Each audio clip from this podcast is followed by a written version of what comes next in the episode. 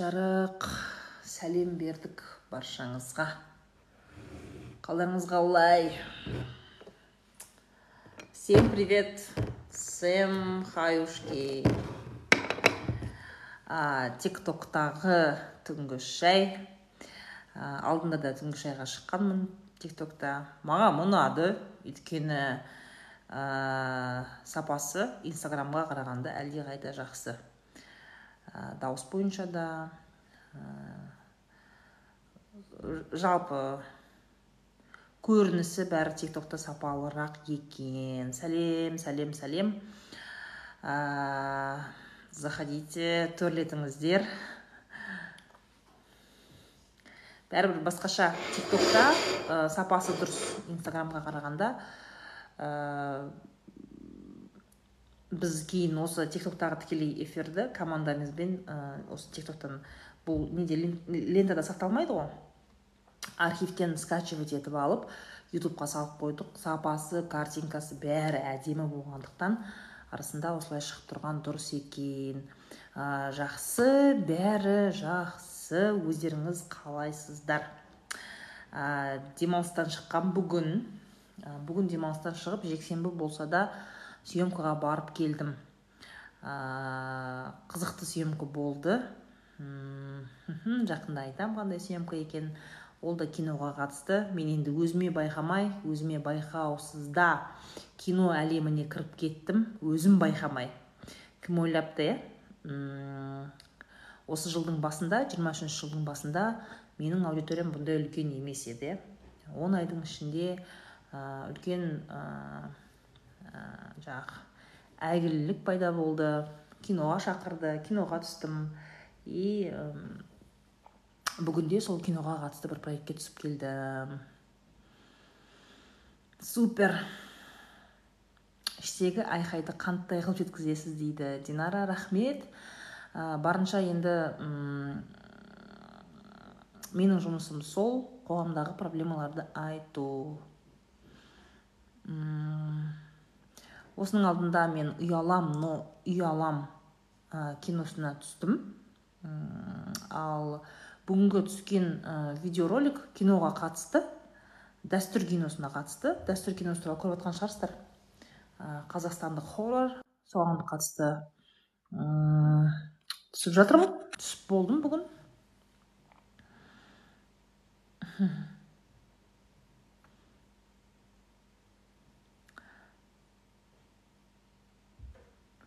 Айокамен түскен айока деген кім? Сәлем.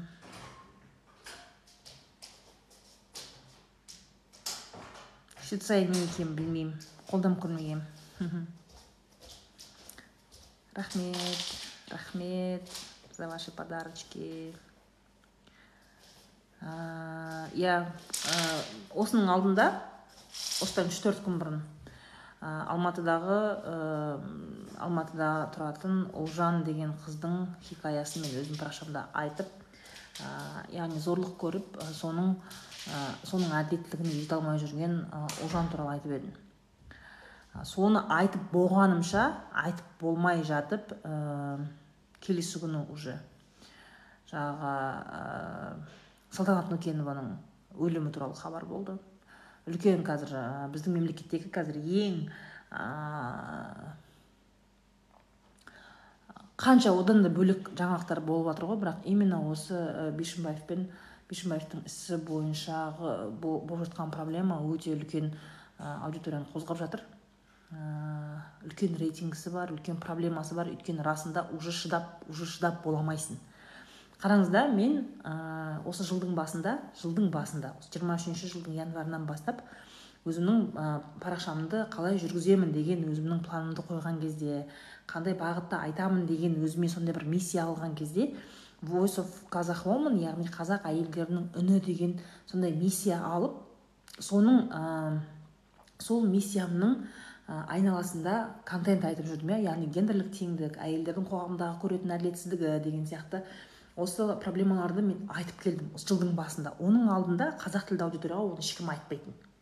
Иә жаңағыдай ә, күйеуі измена жасаса бізде бәрі әйелдер виноват. Я говорил вы че еркек виноват. Иә яғни еркектің жауапсыздығын қоғамда айтып әділеттілікке шақырған шақырып жүрдім. Соның арқасында маған реально екі жүз мыңнан астам подписчик келді. Иә өйткені неге ол неге ол тақырыпта маған өте көп подписчик келді? Өйткені бұл боль уже қазақ әйелдері қазақ қыздарының уже шыдай алмайтын проблемасы уже иә? Бірақ оған дейін бұндай ауқымды түрде ешкім өйтіп айтқан жоқ. Енді қара январьда басталады я начинаю на эту тему прямой эфирлер жүргізе беремін жүргізе беремін олар рилс болып шыға береді шыға береді. Сөйтеді де ә, бұл тақырып қатты көтеріледі да жалпы ә, сосын ә, мен осы жазда пост жазғанмын ә, алып қашудың проблемасы жайлы иә? Алып қашуды кәдімгідей агитация жасап сол туралы кино соны құптап әйелді ұруды құптап сондай кинолар ана мысалы миллион командасының жасап жатқан тірлігі. Неге олар әйел адамды мазақтайды? Неге ә, оның ә, киносында миллион, миллион командасының сериалында неге әйел адам постоянно фингалмен жүреді иә? Мысалы кинода фингалмен жүрген әйелді көрсете берсе бұл дегеніміз әйелдің таяқ жеуі норма деген сөз иә? Яғни кинода сондай нәрсе неге көрсетеді? Неге алып қашуды алып қашудан реклама жасайды деген ә, тақырыпта пост жазғанмын жазда. Ә, сол пост жазған сол постты көп ә, жаңағыдай порталдар көп жаңалық ә, көп жаңалық көп журналистер соны іліп алып кетті. Сөйтті де содан көп ұзамай екі аптаның ішінде рахмет екі аптаның ішінде заң қабылданды. Заң қабылданды ә, жаңағы алып қашудың ә, алып қашуды не қылу қатаңдастыру заңы қабылданды. Яғни уже мен осы тақырыпты бастадым. Жазда уже сондай әңгіме айта бастағаннан кейін заң өзгеріп жатыр басқа. Онымен қоса осы уақытқа дейін мүмкін еркектерге осы биыл ұра бастаған жоқ қой әйелдерді баяғыдан бері ұрып жатыр ғой. Просто биыл ә, осы жан жақты бұл тақырып көтерілгендіктен уже көрініп жатыр да әйелдердің өзі үндемей қоя беретін қазір ше бұрын әйелдер шыдап жүре беретін қазір уже шыдамайды шыдамайды иә. Тем более мен отырмын қыздар үндемей отырмаңдар айтыңдар шыдамаңдар ә, полицияға жазыңдар деген сияқты. Яғни бұл тақырып биылғы жылы өте қатты өстіп айналып айналып айналып келді да енді ә, уже біздің бәріміздің қалауымыз ол заңның қабылдануы. Зорлық зомбылық туралы заңның қабылдануы біздің қалауымыз сол. Енді деген ә, бір мәнісі болар деп жүрген кезде енді салтанатпен осындай ситуация болды да это очень очень это очень грустно. Это очень грустно. Иә и бұл мәселеде мынандай да біз ойлаймыз зорлық зомбылық тек қана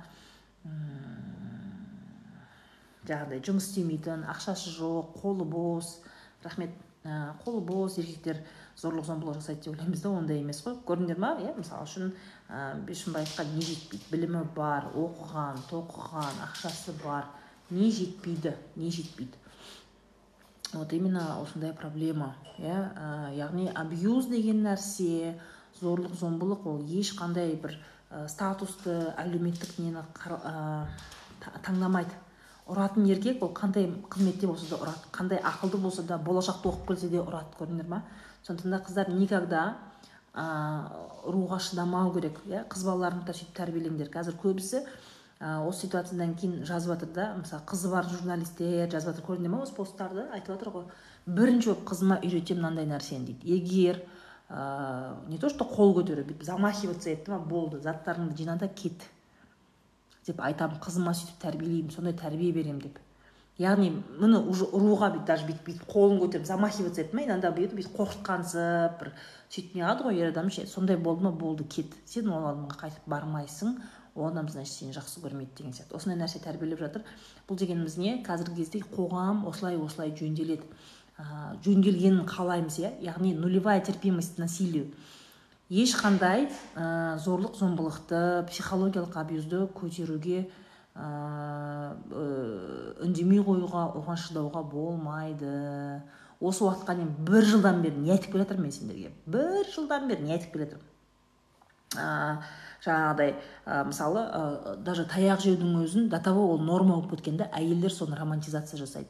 Иә біздің мамаларымыз не дейді бізге? Біздің мамаларымыз да ой сол әкең сол кезінде құрсын осы далаға қуатын еді ғой бізді дедек етіп ой есіңде ма шкафтың ішіне тығылып қалатын едің ғой сен деген сияқты да. Әйелдер уже уже күйеудің ұрғанын андай романтизация жасап уже соны күлкіге күлкіге айналдырып до того нормализация болып кеткен да. Ой әкең не қылмады кезінде құрсын анау артымнан келген сервиздің дымы қалмады ғой әйтпесе білесің ғой өзің мен ондай мен сондай аккурат әкең сындырды сол артымнан келген хрустальдың бәрін деген сияқты ше мысалы үшін. Яғни шешелер отырып сол ә, еркек адамның ұруын романтизация жасайды. И вы знаете это что плохо? Мысалы сендер қазір қыздар әйелдер осы жерде ә, бәрін жаңағы таяқ жеуге көніп жүрген әйелдер. Сенің балаларың не көреді? Балаларың не көреді? Мысалы үшін сен балтамен қуып иә. Мысалы үшін сен ә, күйеуіңмен ұрысып таяқ жедің. Таяқ жедің да. Может күйеуің ішіп далаға кетіп қалды ма или ұйықтап қалды ма? И сен отырсың да мына жерде бала шағаң отыр да сен отырсың жылап. Өстіп сорлап жүремін ба бірдеңе құрысын кетемін енді деп жылап отырсың. Бірақ кетпейсің бірақ жалуешься звондайсың звондайтын адамдарыңа әйтеуір жалуешься ты говоришь ә жылап әбден ше сөйтесің да бірақ балаларың сені көріп отыр. Даже мынандай әйелдер бар да өздерің де білесіңдер ә, жаңағыдай. Болды кетем. Бала шағасы жиналыңдар қайда? Заттарыңды жина. Кім? Айкош. Берік бол жинаңдар деген бала шағасы реально уже қорқып отыр да. Ә, әкесінен жаңағы ана ұратын әкесінен қорқады. Бәрін қорқады да. Бала шағасы жиналады. Кәдімгідей жиналып сөйтіп уже прихожкада отырады заттарын жинап. Сөйтсе шешесі кетпейтін болып қалады да. Ну че за херня? Че за фигня? Иә бала не көреді. Бала осы нәрсенің мысалы қыз да бала да осы төбелестің ә, несін ә, үйдегі қырғын сүргінді норма көреді бала сөйтіп өседі. Негізі мынау ә, үйдегі зорлық зомбылық ол кәдімгідей по наследству беріледі. Соған үйренген бала соны жасайды. Сенен туған төрт бала болатын болса соның ну, жоқ дегенде екеуі соны жасайды. Қыз болатын болса ана будет терпеть ұл болатын болса ол сөйтіп әйелін ұрады. Сонда да ә, блин уже тоқтату керек қой зорлық зомбылық тоқтату керек. Яғни әйелді ұру норма емес. Әйел таяқ жеп жүре беру норма емес. Айтып отырмын ғой кинолары арқылы мысалға да мен неге соншама ана миллион командасының ә, жасаған ә, материалдарына соншама қатты нервім ойнаған себебі да өйткені реально әйелді мазақтайды. Ә, миллион командасының сериалын көретін болсаң видеоларын қарайтын болсаң барлық жерде жаңағы жігіт қой енді әйелдің рөлін ойнайтын жігіт қой. Сол жерде ә, әйелді андай ақмақ қылып бір андай топас таяқ жегеніне мәз болатын көзі постоянно көгеріп жүретін. Сондай әйелді көрсетеді да. Ал оны көрген әйелдер не ойлайды? Оны көрген әйел мысалы контент адамды тәрбиелейді. Контент ол адамды тәрбиелейді. Иә? Біз ә, нені көреміз? Ол сериалды көрген адамдар а нормально екен дейді. Оны көрген қыздар е нормально екен ғой өстіп көзін көгеріп таяқ жеп ана жаңағыдай күйеудің издевательствосына шыдап жүрген нормально екен деп ойлайды да қыздар. А ұлдар так нормально значит әйелді ұрса арасында көзі көгеріп жүрсе это нормально әйелге жаңағыдай құйтырқы сөздер айту сөзбен балағаттау е деп андай менсінбей сөйлеу е қатыне ей тұр! Е бүйт е құрып кетші деп сөйтіп сөйлеу норма деп ойлайды контент өкінішке орай ә, қоғамды тәрбиелейді жастарды тәрбиелейді сол миллион командасының видеоларының бәрін жастар көреді бір көресіңдер бір видеосының өзін миллионнан екі миллион, екі миллион үш миллион просмотр қарайды ужасный контент который воспитывает в людях именно насилие яғни әйелді ұру норма деп көрсететін контент. Понимаете? Ол ауылдың менталитетін ауылдың менталитеті егер мысалы да ауылда реально менталитет ондай болатын болса сен басқа контент көрсетсең оның не норма екенін халық түсінеді да. А сен тура соны көрсетесің а нормально екен деп все понимаешь?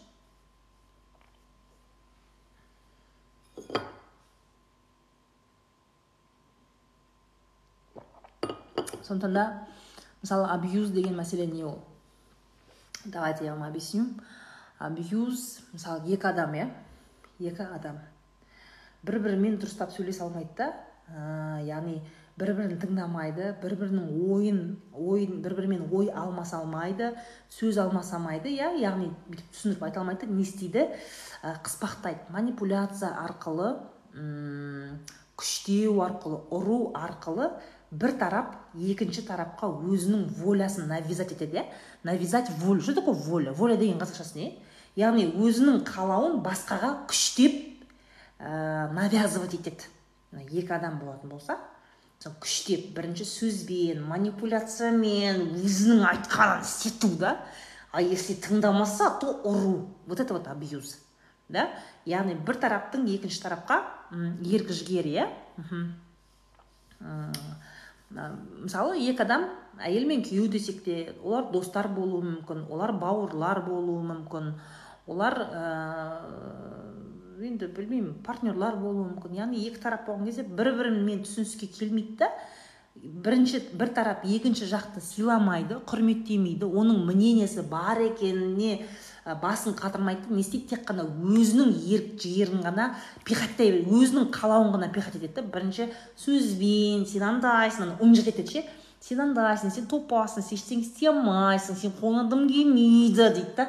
Сөйтіп манипуляция жасап жасап жасап сосын ол сонда да көнбесе не істейді оны ұрады. Ұрады.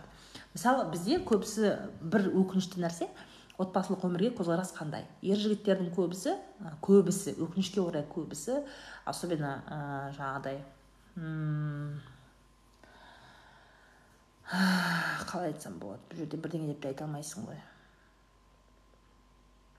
Ер азаматтардың көбісі ә, отбасылық өмірді қалай көреді? Олар отбасылық өмірді әйелге үйленгеннен кейін әйелді түгелдей түгелдей басқарып төстеймін менің айтқаным болады. Отағасы мен болғандықтан менің айтқаным болады деп сондай ә, уверенностьпен отбасы құрады жігіттер. Иә яғни главный мен менің айтқаным ғана болады мен әйелімді билеп төстеймін деген. Ал ә, қыздар олар да тұрмысқа сөйтіп шығады. Тұрмысқа шығамын да мен күйеуіме бағынамын деп шығады. Иә күйеуім айтқаны болады отағасы та та яғни бұл жерде бізде ә, стандартты отбасы құрған кезде жалпы екі тарап қалай ойлайды? Жігіт те қыз да мына жігіт ойлайды мен басшы боламын мен басқарамын билеп төстеймін әйел айтады мен осыған көнемін дейді. Абьюз осыдан шығады. Иә теңдік жоқ. Бізде теңдік отбасыда жоқ. Сондықтан да ол қоғамда болмайды. А, бұндай отбасылық формула негізі а, ол өте ә, рискованный өте рискованный. Өйткені өмірде олай бола бермейді. Өмірде ә, еркек қана басқарған отбасы дұрыс емес. Еркек бас яғни мен басшымын дейді да и оныкі дұрыс емес моментте ол не істейді? Әйелін ұрады оның сөзін қыстырмайды ол жерде кеңесу деген жоқ. Мысалы соның өзінде мысалы да отбасы дегеніміз не? Екі адам бірге өмірге қол ұстасып серіктес болып бір бірін тыңдап айтады да бір жағадан бас бір жеңнен қол шығарып деген сияқты. Яғни екеуі де ақылдаса отырып шешім қабылдау міне отбасы сол. Бірақ та жаңа айтқандай бізде бірінші тарап ер азамат ойлайды да менікі ғана болады мен басқарамын деп сөйтіп кіреді отбасыға. Әйел де соны мен ештеңе не істемеймін күйеуім бәрін күйеуі шешеді деп сөйтіп екеуі осындай екі позициямен кіреді да. Ал өмір ондай емес. Өмір ондай емес. Өмірде вообще не так. Өмірде әйел мен күйеуі отбасыдағы әр проблеманы әр кез келген проблеманы бірлесіп шешпесе онда ер, он, онда отбасы дамымайды. Отбасы дамымайды егер бірлесіп шешпесе. Иә мысалы ақша мәселесінде не істейміз не болатын болды. Мына баланың тәрбиесінде не істейміз не болатын болды. Не қыламыз? Мына үйде қонақ келейін деп жатыр. Мен үлгермейтін сияқтымын. Екі баламен үш баламен. Сен не істей аласың? Деген сияқты. Кез келген вопроста әйел мен күйеуі бірлесіп кез келген проблеманы шешсе бірге андай емес қатне сенің тірлігіңнен шаруаң болмасын. Или там жоқ араласпа біз өзіміз шешіп аламыз деген сияқты. Яғни отбасын сен не үшін құрасың? Иә? Отбасын сен не үшін? Бір болу үшін бірге болу үшін құрасың. Ал жаңағыдай біреуің басшы а екіншісі бағынатын жерде никогда никогда ортақ шешім шығару деген нәрсе жоқ уже отбасы деген нәрсе болмайды ол жерде. Ол жерде басқару билеу өзімнің жаңағы ерік жігер өзіңнің ә, тек қана бір ғана тарапты бір ғана тараптың интересін қуа бересің да екінші адам ше сонда. Мысалы тек қана еркектің интересін қуа беретін болсаң әйел ше сонда. Әйел не істейді сонда? Не істейді әйел? Егер тек қана еркектің интересі қуыла беретін болса. Өзің ойлашы. Он решает все как он сказал так и будет. Иә мысалы отбасы бүйтеді да сонда получается әйел адамға отбасы отбасыда біз біргеміз отбасыда екеуміз серіктеспіз екеуміз махаббатпыз екеуміз бір бір мынандай ошақпыз иә деген нәрсеге әйел сеніп келеді ғой. А в итоге получается что ондай емес ее как будто обманули. Өйткені как всегда у нас еркектер гоняют свою линию. Они гнут свою линию. Менікі ғана болады менікі ғана дұрыс менің туысқандарым выше сенікінен менің әке шешем сенің әке шешеңнен жоғары егер мені тыңдамасаң онда құрып кет басқа қатын алам деген сияқты тема. Кому это? Кому? Кому это э, вы это не выгодно никому? Понимаете? Это вообще никому не выгодно. Отбасы олай құрылмайды қазір мына заманда отбасы өйтіп құрылмайды. Спасибо, спасибо, спасибо.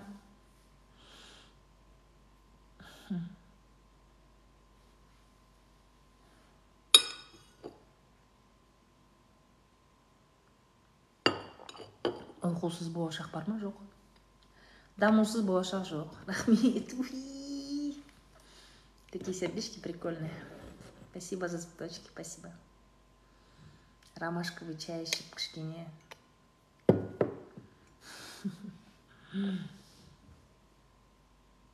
сырға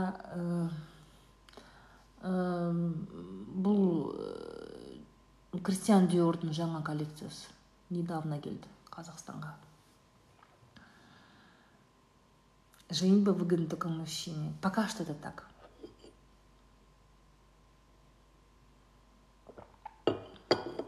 Өкінішке орай пока что это так. Жақсы адекватно ойлайтын жігіттерді табу өте қиын.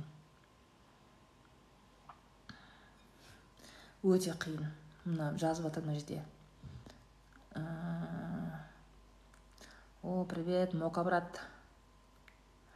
Жігітім бір жерге баратын болсаң менің рұқсатымды ал дейді. Он кто тебе? Он вообще никто. Қыздар сендердің жүріп жүретін жігіттерің это вам не хозяева. Вы не обязаны у него отпрашиваться. Қарым қатынаста мен бәрін шешем менің ғана мнением важно деген қарым қатынаста қыз баласы ә, қыз баласына ондай қарым қатынаста болу өте қауіпті. Өте қауіпті. Нельзя вам идти в такие отношения где тебе парень говорит менікі дұрыс ә, менен сұранасың менің ғана айтқаным ақ менің ғана сызығыммен жүресің. Мен сенің телефоныңды тексерем это за таких парней, вообще с такими не встречайтесь и не выходите за таких. Никогда в жизни. Лучше быть одной, чем с таким. Хороших парней много.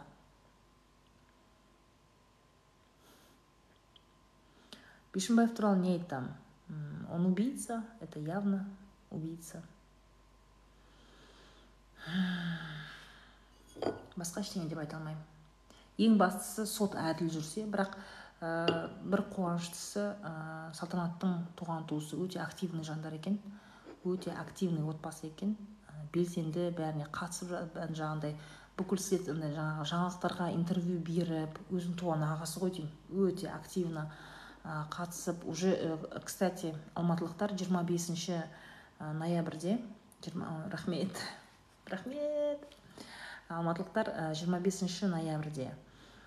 Марш болады осы зорлық зомбылыққа қатысты қарсымын зорлық зомбылыққа қарсымын деген ә, сондай алматыда марш болады. Уже санкционированный. Акиматтан ә, келісім алып қойды. Иә это разрешенный марш. Поэтому акиматтан келісім алғандықтан мен сол маршқа қатысайын деп жатырмын. Егер барам десеңіздер міндетті түрде келіңіздер. Алматыда ә, инстаграмнан тауып алыңыздаршы маршрут бәрі. Өзі жақындаған кезде жиырма бесіне қарай жақындаған кезде мен де өзімнің инстаграмыма тик тогыма шығарам 25 бесінші ноябрьде алматы қаласы.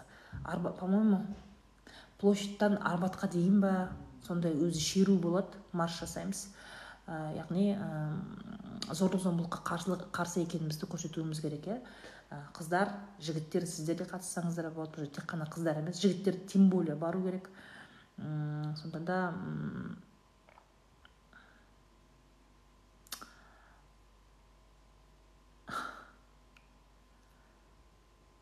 иә жиырма бесінші ноябрьге алматылықтар ә, выходите обязательно.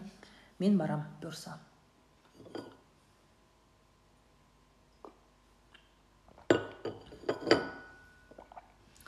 жігітім доверять етпейді доверять етпесе онда не нянчись.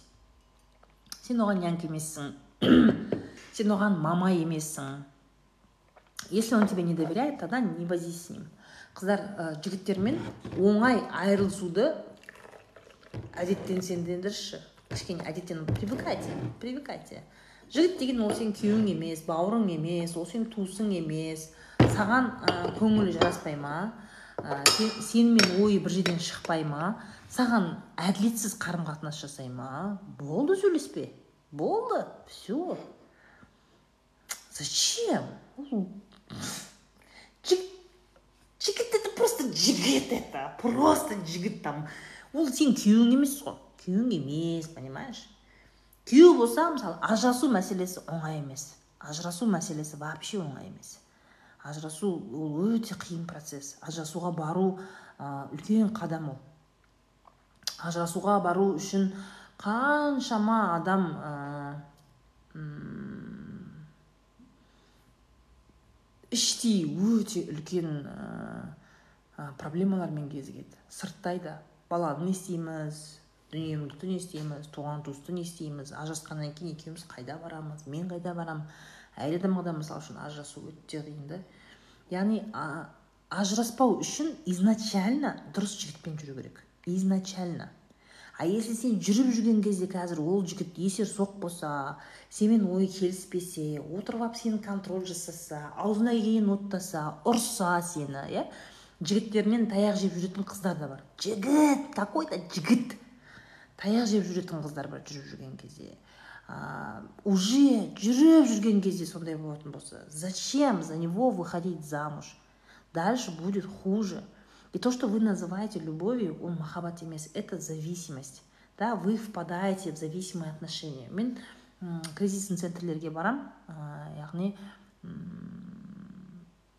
осындай ә, әбден күйеуінен зорлық зомбылық көріп уже өлтіруге дейін барған әйелдер төрт бес бала шағасымен қашып осындай при акиматах кризисный центрлерге барады сондай кризисный центрлерге мен де барам сондай әйелдермен сөйлесемін сонда айтатын да мысалы үшін да күйеуі пышақтаған ә, жаңағыдай кипятокпен күйдірген шәйнекпен ұрған сондай қабырғасын сындырған бес алты бала туып тастаған әйелдер бес алты бала туып тастаған да жаңағыдай күйеуі дымын қалдырмайды больницадан шығарып шығып жаңағы кризисный центрге әзер қашқан әйелдер бала шағасын алып киімсіз жалаң аяқ қыста сондай қашқан сондай ше бесеу алтау баламен да кішкентай баласы еще үш төрт айлық өзің представь та вот.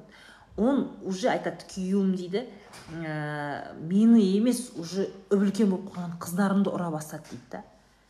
Сөйтіп біліп тұр да что ә, ол адам адам болмайды уже все уже неше жылдан бері ол әйелді де ұрып әбден инвалид қылып тастаған. Ана ә, инвалид болғанда енді прям инвалид емес но на, на ней прям вот қолында прям шрамдары көп та пышақпен тілген жаңағыдай ше бес алты бала туып тастаған үлкен уже әжептәуір болып қалған уже балаларын ұрып жатыр с ним жить невозможно ол семья болмайды понимаешь уже семья болмайды. Но при всем при этом ол әйелдер жаңағы кризисный центрге барған кезде айтады мен онымен семья болуды армандаймын дейді. Представляешь? Мен онымен семья болуды армандаймын дейді. Она родила уже пять шесть детей ол жаңағыдай пышақ әйелін пышақтайды. Бірақ әйел сөйтіп ойлайды мен онымен семья болуды армандаймын дейді. Мен оны әлі сүйемін дейді. Это женщина так говорит. Он избивает ее до полусмерти он бьет детей этих общих детей он бьет и она говорит мен оны жақсы көремін мен онымен семья болғым келеді дейді. О чем это говорит? Там нету любви қыздар мынаны түсіну керексіңдер да сендер? Сенің жаныңды тәніңді ауыртатын адамды сен сүймейсің. Сен сүймейсің. Бізде сондай мысалы ә, жігітпен жүріп жүрген қыздар бар да ана күйеу жігіті жігіті есерсоқ жаңағыдай ше грубиян боқтап сөйлейді контрольда ұстайды жүріп жүрген кезде ана қызды сыйламайды да бірақ қыздар не сүймеймін да мен оны сүйем дейді да еп твою маттың қыздары ол сүю емес вообще. Это зависимость девчонки. Нормальный психикасы сау адам. Нормальный психикасы сау адам. Сенің жаныңды тәніңді ауыртатын адамды сен сүйе алмайсың. Там нету любви. Нету любви қыздар түсініңдерші если сен жақсы көрем деген адамың сенің жаныңды тәніңді ауыртса сені менсінбесе значит сен оны сүймейсің деген сөз. Там нету вообще любви никакой понимаете? Түсініңдерші пожалуйста. Жоқ сендер әбден жаңағы жігіті мал да кәдімгі екі аяқты мал басқа ештеңе деп айта алмайсың. Кәдімгі мал там ловить нечего. Ана еркек сымақ жігіт емес. Міне жігітім суып кетсе не істеймін. Суып кетті ма пошел нахрен все иди нахрен вообще нахрен ты мне нужен. Жоқ сүйемін у вас вот это начинает қалай сен сүйесің саған суық адамды саған қарамайтын адамды сені балағаттайтын адамды сенің көңіліңе қарамайтын адамды сені контрольда ұстайтын. Қалай сүйесіңдер как можно любить чудовище? Я не понимаю это. Как это можно любить чудовище?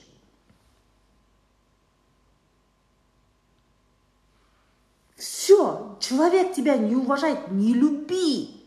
өкінішке орай бізде қарым қатынас туралы түсінік дұрыс емес та? Мысалы орыстарда да бар да ол нәрсе жаңағыдай бьет значит любит. Анда санда байыңнан таяқ жеп тұрмайтын қатын қатын емес деген сияқты.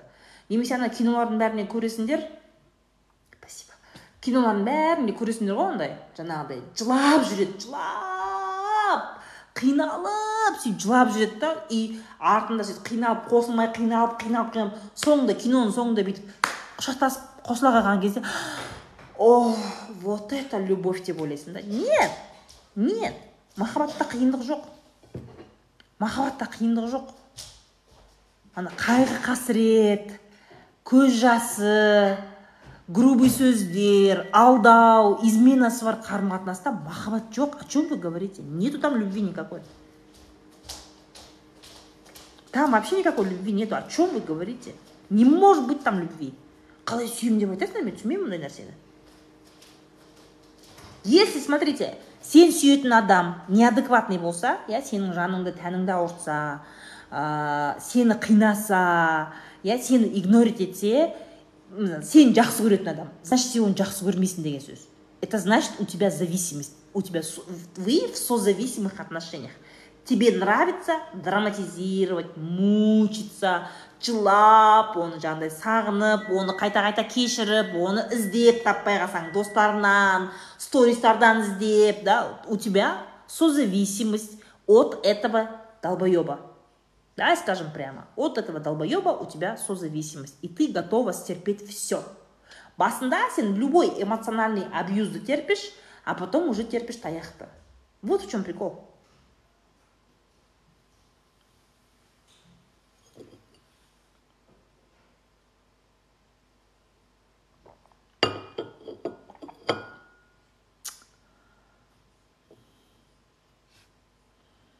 Жеңгем ағаммен ұрысып үйіне кетіп қалып келгенде ағаммен ғана сөйлесіп бізбен сөйлеспейді что делать дейді.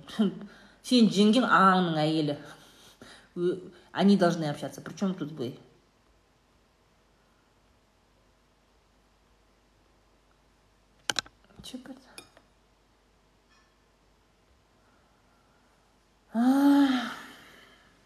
Спасибо. Спасибо. А еділжан ана микроволновкаң тоқтады ғой. Еділжан сен өшірші ана микроволновка шиқылдап бәле болды.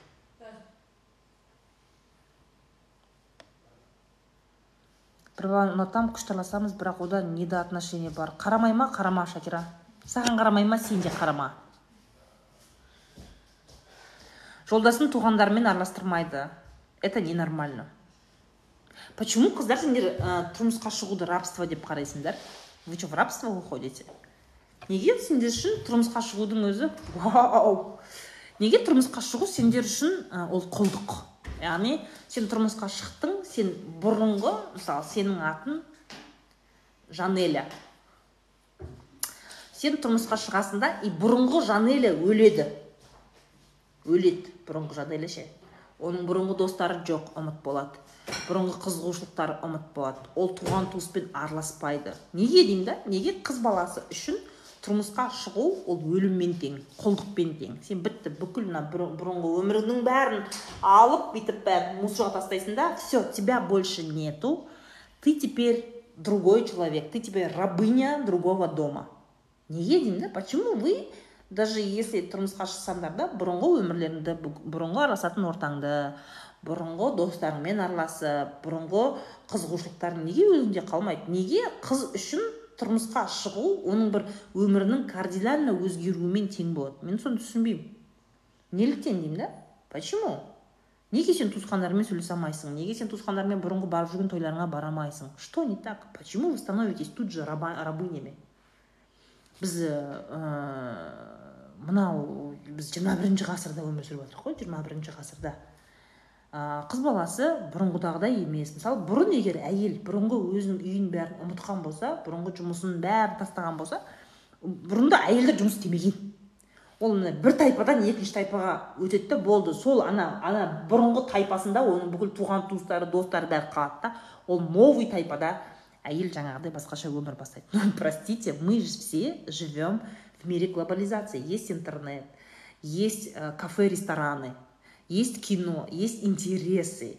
қыз баласы көзі ашық жұмыс істей алады еркін. Неге ол тұрмысқа шыққан кезде сол бүкіл связь даже интернет ватсап телефон смартфондар бола тұра неге ол бүкіл туысқанымен араласпайды иә? Кафе ресторандар тола бола тұра неге ол құрбыларымен кафелерге барамайды неге деймін да?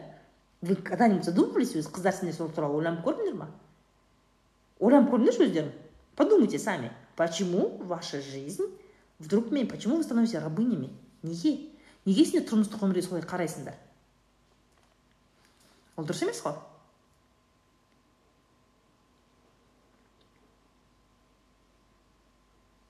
спасибо.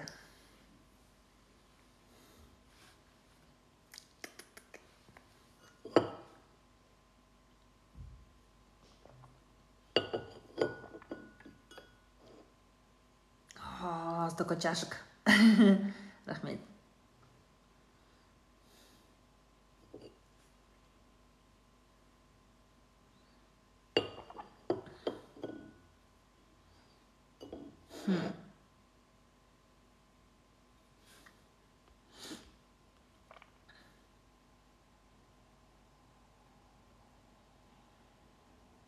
жетекшім сынып жетекшім бізге әйел ерден бір саты төмен деп айта береді. Жыным келеді басынан бір соққым келеді дейді. Енді мұғалімді ұратын болсаң ертең бүкіл тек тоқтың гүлі болсын. Әке шешең бәрі соған сосын директорге шақырады. Зачем тебе это надо? Зачем тебе проблемы? Главное сен сынып жетекшіңнің әңгімесімен сен не емессің ба? Ә, если ты не согласна все не согласись не соглашайся все күйеуім қиналғанда жанымда болмайды. Всегда жұмыста сұранса да жібермейді. Енді жұмыста ғой? Точно жұмыста ма? А мырзабекова? Или жұмыста емес па? Қашан байға тиемін что там делать мадим нормальный жігіт таппасаң кімге тиесің жаным ау? Сорлы қыздар кімге тиерін де білмейді ғой нормальный жігіт жоқ қой қазір қарап отырсаң. Бәрі абьюзер шетінен. Жігіттердің бәрі қазір бір заводтан шыға ма бір бәле бір бәле болатын болса. Жұмыс істемейді бәрі охрана бір бәле. Айлықтары өздеріне жетпейді бір көп болса жүз жүз елу мың екі жүз мың теңге табады. И то жұмыс істесе жұмыс істемесе дым да жоқ. Сөйтеді да мамашкаге қарайсың мамашкаге қызмет қыласың. Менің кірлерімді жуасың қандай тамақ істей аласың бір бәле. У нас все сейчас мужики из одного завода. Все парни из одного завода. Кімге тиеді мына сорлы қыздар? Кімге тиеді это нормально что қыздар мысалы бәрі бүкіл еркек жиналып алып бүкіл жігіттердің жиналып айтатын әңгімесі особенно бізде тик токтағы ақылды еркектер бар ғой мынау ақыл айтатын еркектер. Ақыл айтып жаңағы өздерінше көсемсіп отыратын еркектердің айтатын әңгімесі. Қазіргі кезде байға тимеген қыздар көбейіп кетті отырып қалған қыздар көбейіп кетті дейді да. Ёпта кімге шығады бұл? Кімге шығады қазір қыздар? Нормальный еркек жоқ қой. Кімге шығады? Бәрі мамасының баласы ақша таппайды ақша таппай тапқан ақшасын вообще не уверенный вообще бір нәрсе істеймін бір нәрсеге ұмтылмайды ше. Дым келмейді қолдарынан бар ғой. Отсталые. Қазір любой жерде интернетте социальный сетте барлық жерде алда жүретін этот қыздар қыздар неше түрлі трендтің бәрін білет, жаңалықтардың бәрін білет, ә, жаңағы бизнес саласында не болып жатқанын білет, дамып қыздар деген алға деген шауып кетті да қазір қарап отырсам жігіттердің бәрі жүр сол күйі жүр сол. Айтатын бүкіл арманы мамашкеге қарайтын қыз тауып болды. Бүкіл арманы сол. Отырып алып. Қазір күйеуге тимеген отырып қалған қыздар көбейіп кетті дейді да а почему вот эти мужики не сидят и не говорят? Қазір жауапсыз жауапсыз жігіттер. Көбейіп кетті қыздар тұрмысқа шығайын десе мына қаракөз қарындастарымыз тұрмысқа шығайын десе нормальный жігіт қалмады ғой е жігіттер ұялсаңдаршы е сәл білім алсаңдаршы деп айтатын бір еркек мотиватор көрген жоқпын ғой мен. Бір еркек мотиватор бүкіл еркек мотиваторлардың айтатын әңгімесі қатын деген қыздар деген мындай болу керек. Қатын деген бүйтіп болу керек. Қатынды бүйтіп ұстау керек. Тозақтық әйел деген мындай болады. Мұсылман әйел деген еу еркектер отырып алып еркектерге ақыл айтыңдаршы өтініш сендерден өтініш. Менің менде бір ғана просьба бар. Пожалуйста мужики идите воспитывать мужиков. Не женщин. Не надо женщин воспитывать. Әйелдерге өздерінің әйел спикерлері жетеді. Әйелдер у мозгов мозгов у женщин хватает. Жетеді өздерінің миы өздеріне жетеді. Тура сендер сияқты олар да уағыз тыңдай алады әйелдер де тура сендер сияқты хадистерді оқи алады әйелдерде с этим проблем нету әйелдер и так оқып жүр. Бізде еркектер еркектер. Вот смотри например жақсы жар болу туралы иә жақсы әйел жақсы жар жақсы ана болу туралы курстар кітаптар тола ғой тола. Әйелге арналған құдай түнде любовница күндіз хозяйка болатын күйеуіңе и любовница и соратница и мать болатын. Сондай неше түрлі кітап дейсің ба курс дейсің ба? Әйелде жетеді ондай контент. Че то я не видела еркекке ә, жақсы әке болу жауапты күйеу болу туралы бірде бір курс көрмеппін осы уақытқа дейін. Неғып еркектерді тәрбиелемейсіңдер болған шығарсыңдар уже болды ғой уже. Уже тәртіпсіз жауапсыз уже этот не аузындағы сөзін дұрыстап сөйлей алмайды. Кеше осы мына бишімбаевтың ситуациясынан кейін әртүрлі видеолар шыға бастады иә. Кімді білесіңдер ма айжан айжан пош деген бар ғой білесіңдер ма айжан пош деген бизнес вумен әйел бар. Фамилиясын білмеймін у нее аккаунт айжан пош. Оның жаңағыдай қазақстан бойынша гүл, гүл магазиндері бар. Она прям королева цветочных магазинов молодец такая бизнесвумен.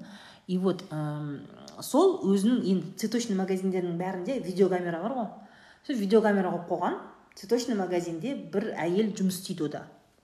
Сөйтіп жаңағы әйелдің күйеуі жұмысқа келеді да камера түсіріп жатыр ғой. Камера түсіріп жатыр. Күйеуі жұмысқа келеді әйел жұмыста отыр бірдеңе есептеп жатыр немесе жазып жатыр бухгалтер ма бірдеңе жазып жатыр сөйтсе қасына келіп е тұр дедім е мен саған е! Е тұр деп айттым мен саған ана әйелді жұлқылап жұмыс орнынан ше күйеуі әйелін жұмыс орнынан бүйтіп жұлқылап бүйтіп итеріп бүйтіп коридорға шығарды да. И она чуть не ударилась головой. Мысалы кеше бишімбаев әйелін басынан ұрып өлтіріп қойған жоқ па? Тура сол сияқты. Ана еркек әйелін жұлқылап ә, жұмыс орнында жұмыс орнында позорын шығарып ше. Иә ол жұмыс істеп жатыр ма ол басқа ма? Пысқырып тұрған жоқ ана еркек ше. Сөйтіп сүйреп далаға алып шығып жатыр әйелін. Өзінің әйелін еп твою мать е осыны далбоебтар мысалы да вот даже бар ғой иә мына жерде менің әйелімнің мына жерде коллективі бар ау. Мынау көпшілік орын ау мынау магазин ау мына жерде клиент келіп жатыр ау деген андай даже элементарно ұяты жоқ қой еркектердің. Этика қайда жүрсің не істеп жатсың не айтып жатсың бізде именно еркектер далаға түкіреді. Харкают везде түкіргіш бәрі темекін мусордың бәрін тастайтын еркектер бізде в основном мусорды еркек тастайды қақырынып түкіре береді мұрындарында далада отырасың ғой пробкада алматыда пробкада отырасың алдындағы машинадан водитель бүйтіп есік ашады да түкіреді жоқ қой не мәдениет қалмаған не тәрбие қалмаған еркектерде не дұрыстап сөзін сөйлей алмайды.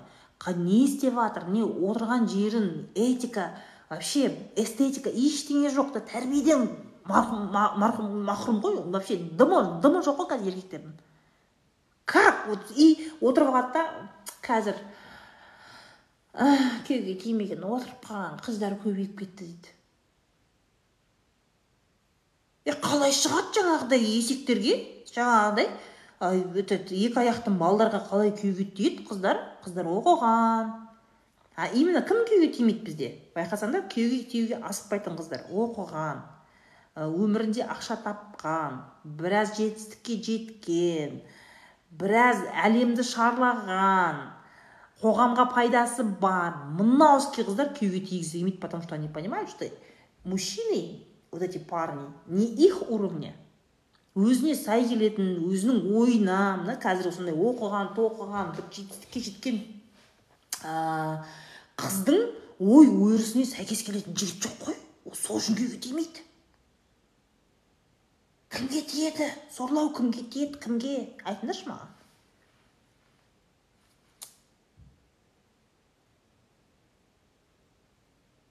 Өңкей анау білмеймін. Анау дым в этой жизни ничего не добился ничего не делал никаких денег не заработал. Өзінің қараған басын зорға сүйреп жүрген еркектер ақылды машина алған үйі бар оқыған шетел көрген магистратура бітірген бірнеше тіл білетін қыздарға үйленгісі келеді. Еще сондай алтын басты сондай дамыған оқыған қызды үйіне апарып шешесінің шешесінің әке шешесінің тірлігін істеп қойғысы келеді да.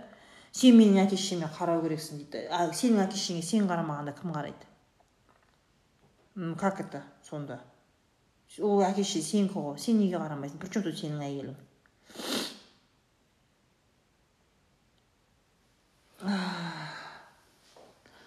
Не надо не надо. Не надо қыздар. Ол үшін оқыған жоқсың ғой сен ақылды болу үшін. Қыздар не үшін оқиды не үшін ақша табады? Оқиды потому что да бізде осы уақытқа дейін нешеме ғасырлар бойы әйел адамның интеллектін мойындамайды. Яғни ә, әйел еркектен ақылды бола алмайды деген сияқты. Оның бәрін өтірік екенін түсіндік.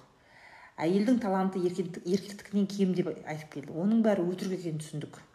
Тым да кем емес. Иә интеллект жағынан талант жағынан мүмкіндіктер жағынан. Әйел кейбір моменттерде еркектен артық болмаса дым да кем емес. Бірақ соның өзінде ә, еркектер өздері дамымайды и олар ә, даму мен дамуым керекпін сондай оқыған тоқыған қызға мен сай болу керекпін деп ойламайды бізде жігіттер. Пофиг қой. Пофиг не важно вот у них с самооценкой все окей бізде қыздар самооценкасын көтеру үшін құрсын неше түрлі жетістіктерге жетуге, жетуге тырысады мақсат қуады ақша табады қыздар самооценкасын көтеру үшін әртүрлі білмеймін они прокачиваются спортом занимаются правильно питаются изучают языки путешествуют они все для этого делают жігіттер не істеп жатыр самооценкасын көтеру үшін ничего потому что у них самооценка на месте Оқымай ақ қой саған қатын табылады. Не қыласың оқып. Ақша таппай ақ қой. Әке шешеңнің пенсиясына өмір сүре бер әке шешең саған кредитке машина әперсін ә, кредитке үй әперсін не қыласың? Оқып дамып не қыласың? Саған қатын табылады. И реально очень грустно что сондай дамымаған әке шешесінен сепарация жасамаған мамасының балалары жаңағыдай ә, сондай өмірінде вообще басында миы жоқ жігіттерге күйеуге қыздар күйеуге тиетініне мен ішім ашиды если честно.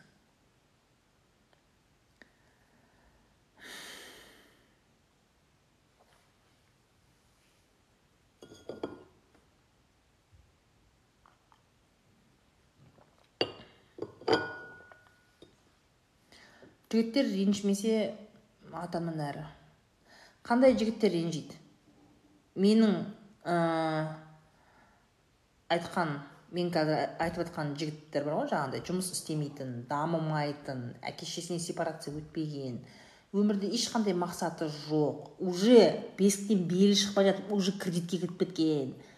Жігіттер ренжісе солар ренжиді.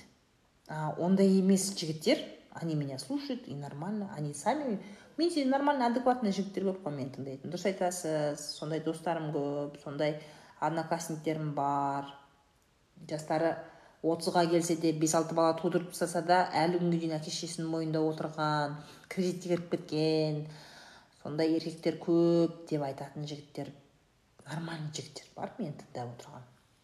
Сендер просто дұрыс емес қарайсыңдар да қыздар. Сендер ә, жігітті іздеу өзіңе өмірлік жар, жар іздеуде сендердің мындай көзқарастарың мынандай да. Ол мықты болу керек дейсің да. Мықты несімен мықты болу керек? Мықтылық деген не? Жігіттің мықтылығы деген не? Айтыңдаршы. Кто это как понимает? Мықты жігіт қайдан тапсам болады? Не ол мықты деген сенің ойыңша?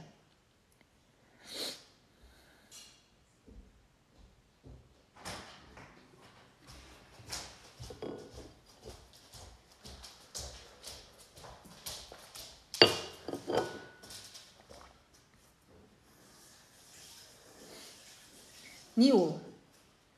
Ухаживать еткен работающий с мозгами да. Еще жауапкершілік. Жауапкершілігі бар екен қайдан білесің? Ухаживать еткен жігіт нағыз жігіт емес жігіт деп айта алмаймын. Это неправда.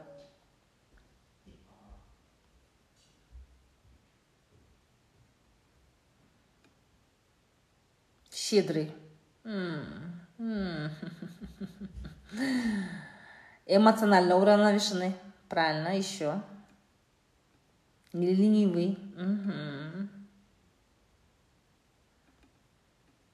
Сөзінде тұратын это да. Спасибо. Жан жақты дамыған это да. Пунктуальный это очень важно. Өз өзін басқара алатын иә нан тапқыш да. Самодостаточный да.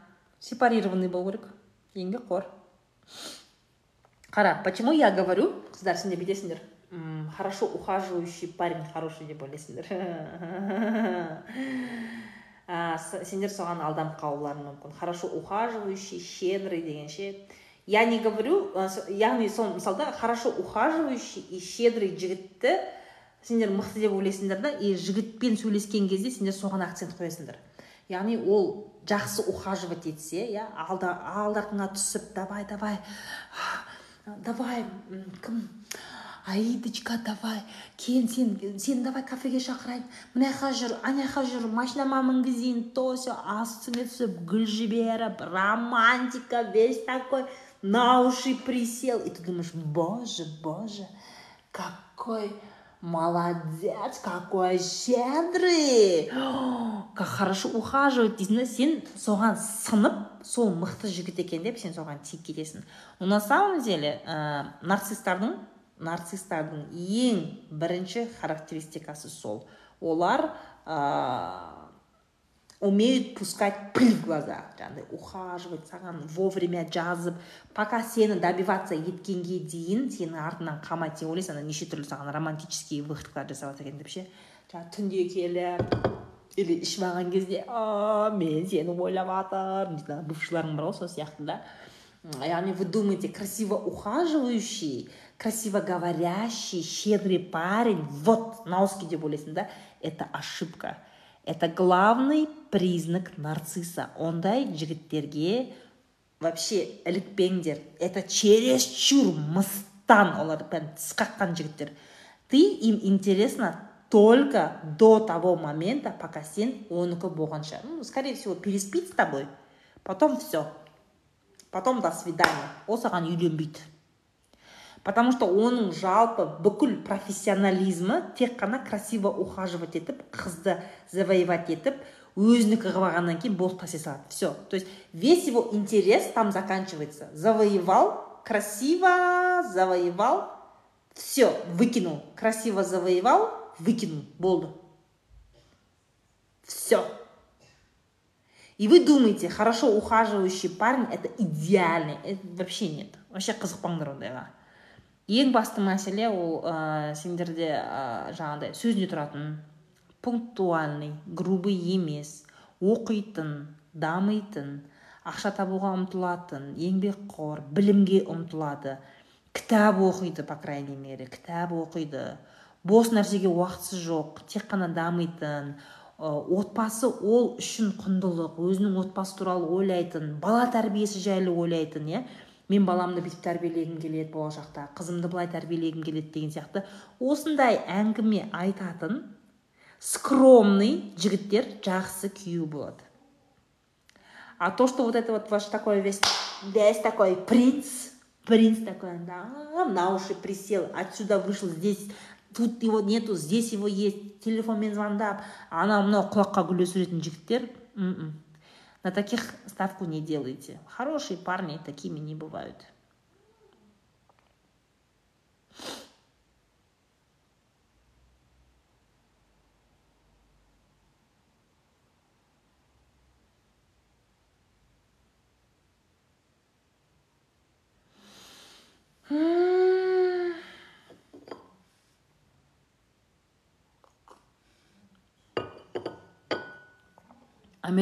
Ба дейді почему ты так решил? Наз решила неге өйтіп ойладың неге мен америкада тұрадым деп ойлап қалып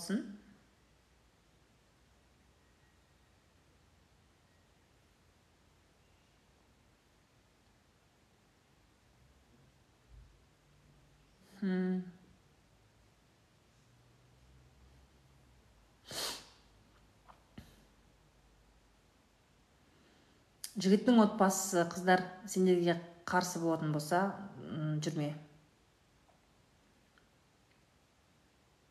Жүрмеңдер жігіттің отбасы саған екеуің жүріп жүрсеңдер бірақ жігіттің отбасы саған қарсы болса и жігіт. Мен сені сүйемін да дина. Динара жаным мен сені сүйемін да.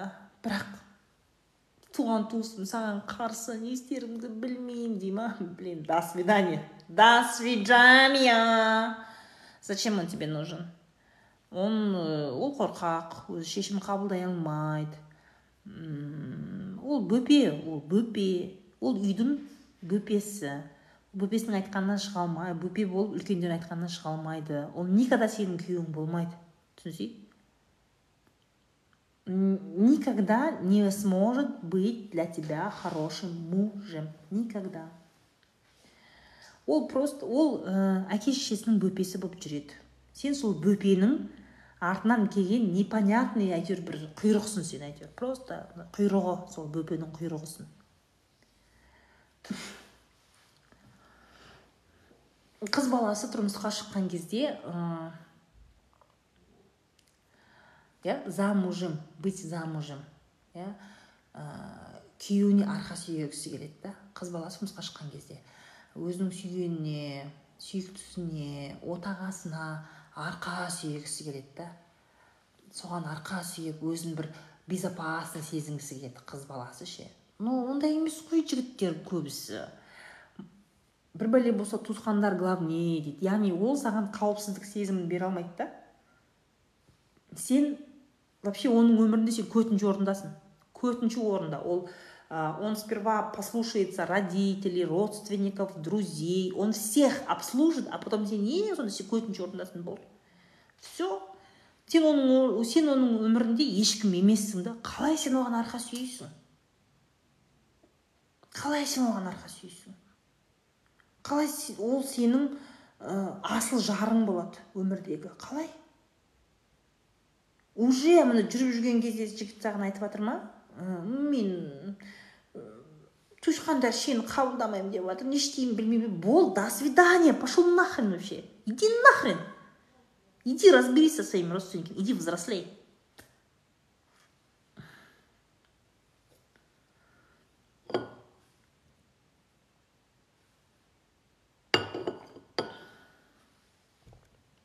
Осы жерде ә, енесіне жалоба жасайтын әйелдер сендердің күйеулерің қаяқта мне вот интересно.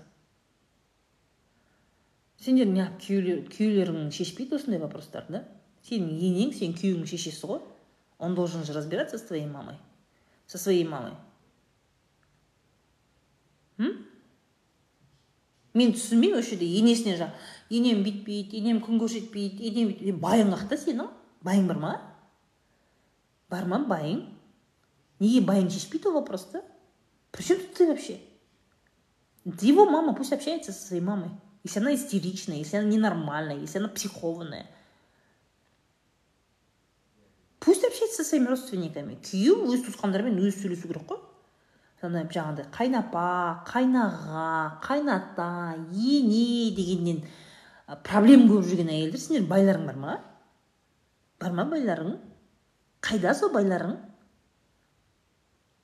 Осы түнде беретін кезде бар да неғып осындай күндіз проблема шешетін кезде жоқ ол байларың? А? Где? Где он? Где ваш муж? Сендерде мысалы әйелдер осындай проблема көтерсе мына жерде жазып жатыр осы жерде бізде. Қыздар енелеріңмен подружка болыңдар. Қыздар енелеріңмен тіл табысыңдар қыздар енелеріңмен жақсы қарым қатынаста болу ол сендердің қолдарыңда дегендер демалыңдаршы бар те кто вот так вот говорят бар демалыңдаршы бар демалып кетіңдер бар до свидания Пошли вон отсюда. Ене, дорогие мои, спасибо. Ене, ол сенің күйеуің шешесі. Пусть он сам разбирается со своей мамой.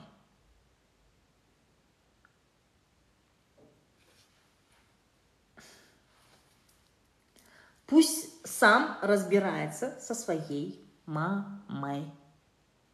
Енемен подружка бол енеңнің тілін тап пошли нахрен отсюда. Пошли нахрен со своей идеологией иди нахрен. Сенің күйеуің должен разбираться.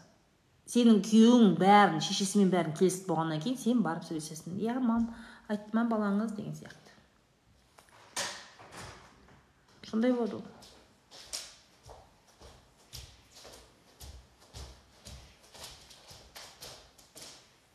өзінің шешесімен сөйлесе алмаса не онда ол вообще если сенің күйеуің өз шешесімен сөйлесе алмаса неғып жүр ол өзінің әке шешесімен сөйлесе алмаса неғып жүр ол еркек жай ма онікі не істеп жүр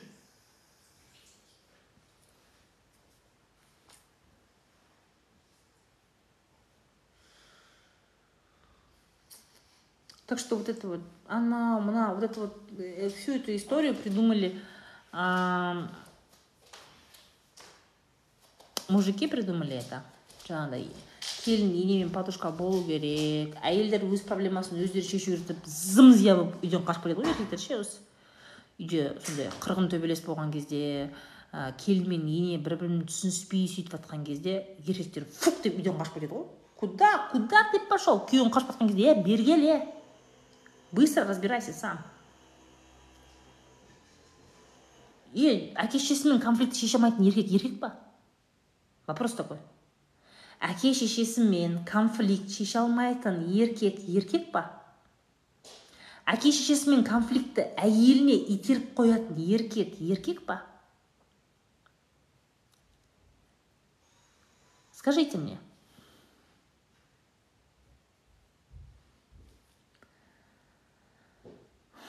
Сіз қайдан білесіз осының бәрін? Қалай білмеймін. Вы мне столько историй рассказываете. Маған күніне жүз екі жүз хат келеді. Мынандай историялар келеді ғой мынандай бүйтіп. Анау ә, күйеулері спасибо. Күйеулері измена жасайтын әйелдер анау ә, күйеуінің любовницасымен перепискасының скриншоттары соларды суретке түсіріп маған жібереді ғой.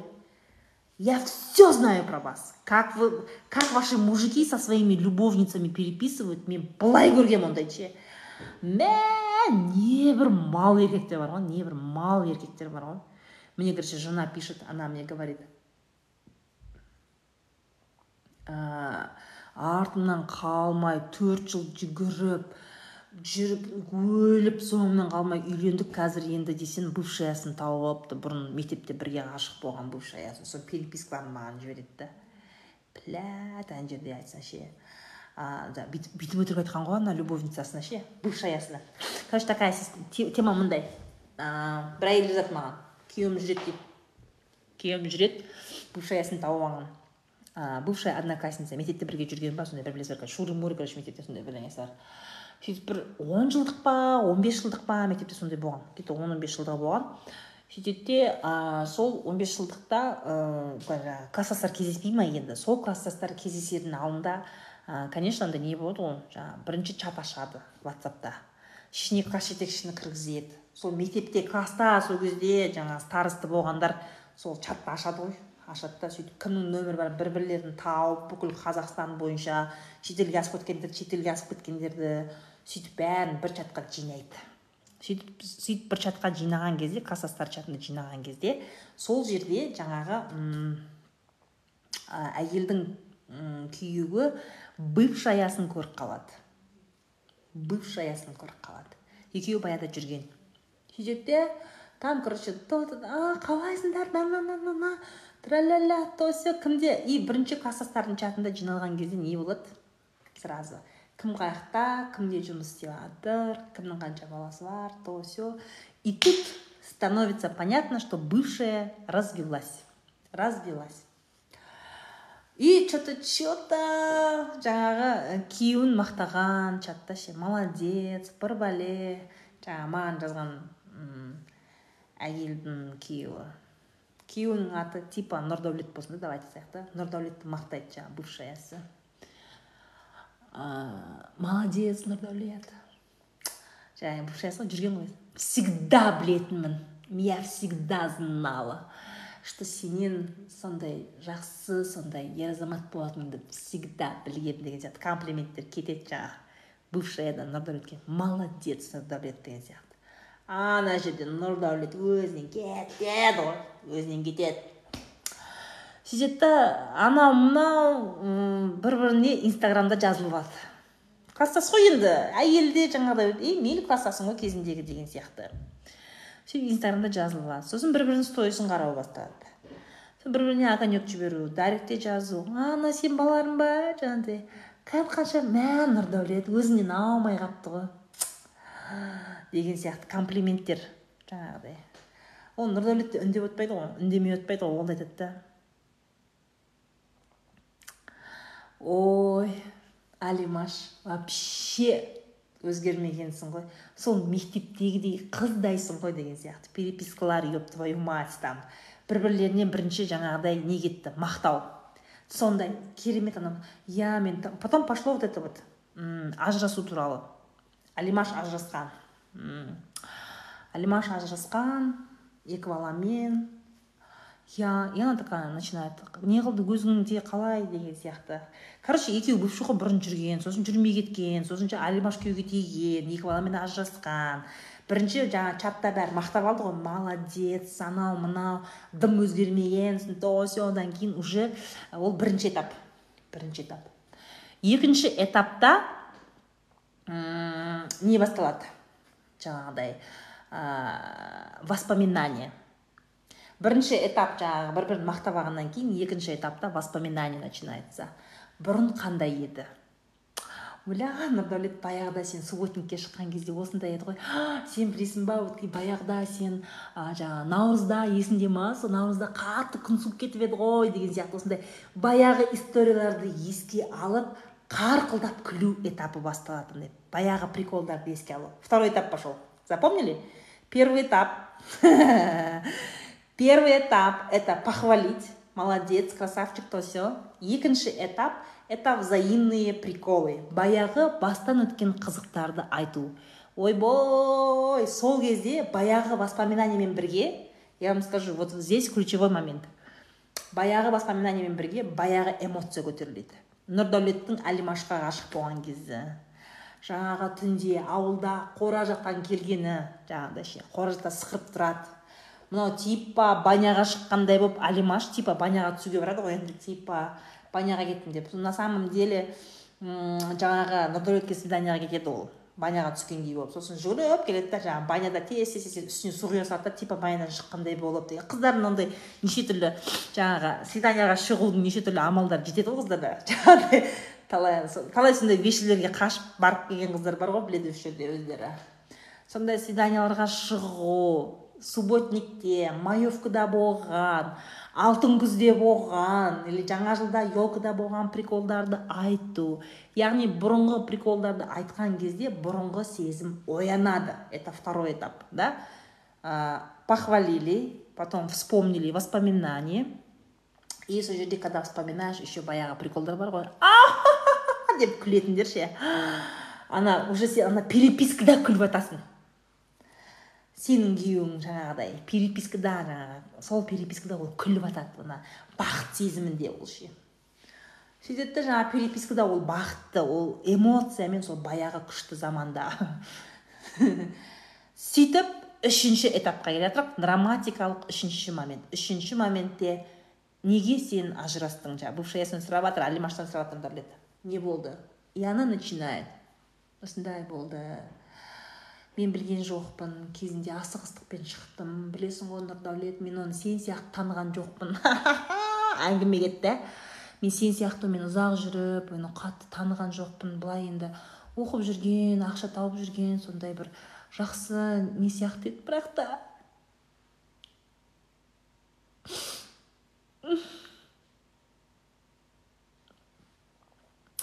Ол қатты өзгерді үйленгеннен кейін.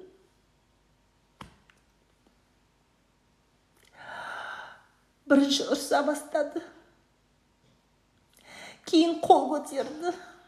Қаншама рет кеттім. Әке шешеме айттым короче вот эта вся драма начинается. Алимаш начинает рассказывать твоему мужу нұрдәулетке всю свою драму ол енді қара қалай эмоционально качеля қалай кетті иә? Бірінші жаңағыдай вау деп бір бірімен табысты мақтады күлді жырқылдасты кішкене эмоционально близкий болды да и тут она рассказывает свои сложности и ол уже эмоционально жақын болып кетті она начинает рассказывать свои сложности и она анаған ше ему хочется ее спасти. Ему хочется ему спасти. Сол кезде жаңағы бывшаясы айтады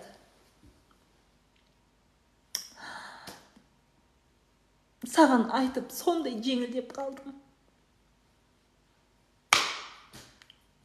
Сондай жеңілдеп қалдым саған айтып баяғы күндер есіме түсіп екеуміздің бақытты кездеріміз негізі қазір есіме алсам сенің қасыңда болған кезде өзімді ең бақытты сезінген сәттерім сол екен ғой деп ә ана қатын қуады әңгімені ше все сен байың сынды сол жерде ты же такие вещи ему не говоришь же Конечно, не говоришь, зачем ему такие вещи говорить? Зачем? Вы нормально сошлись, вы друзья, сошлись, нормально, ты хорошая, адекватная жена.